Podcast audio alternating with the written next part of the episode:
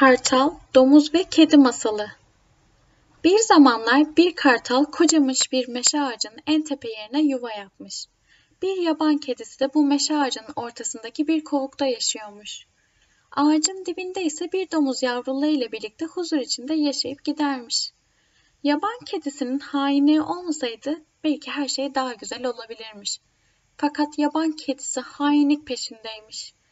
Bir gün kartalın ziyaretine gitmiş ve Komşum, aşağıdaki domuzun ne yaptığını hiç bilmiyorsun. Ağacın kökünü yiyip bitirecek, sonra da yavrularımızı öldürecek, demiş. Kartal bu sözleri duyunca çok telaşlanmış. Domuz yavrularını öldürecek diye yuvadan ayrılamaz olmuş. Yaban kedisi bir süre sonra domuzun ziyaretine gitmiş. Beni dinle dostum, demiş.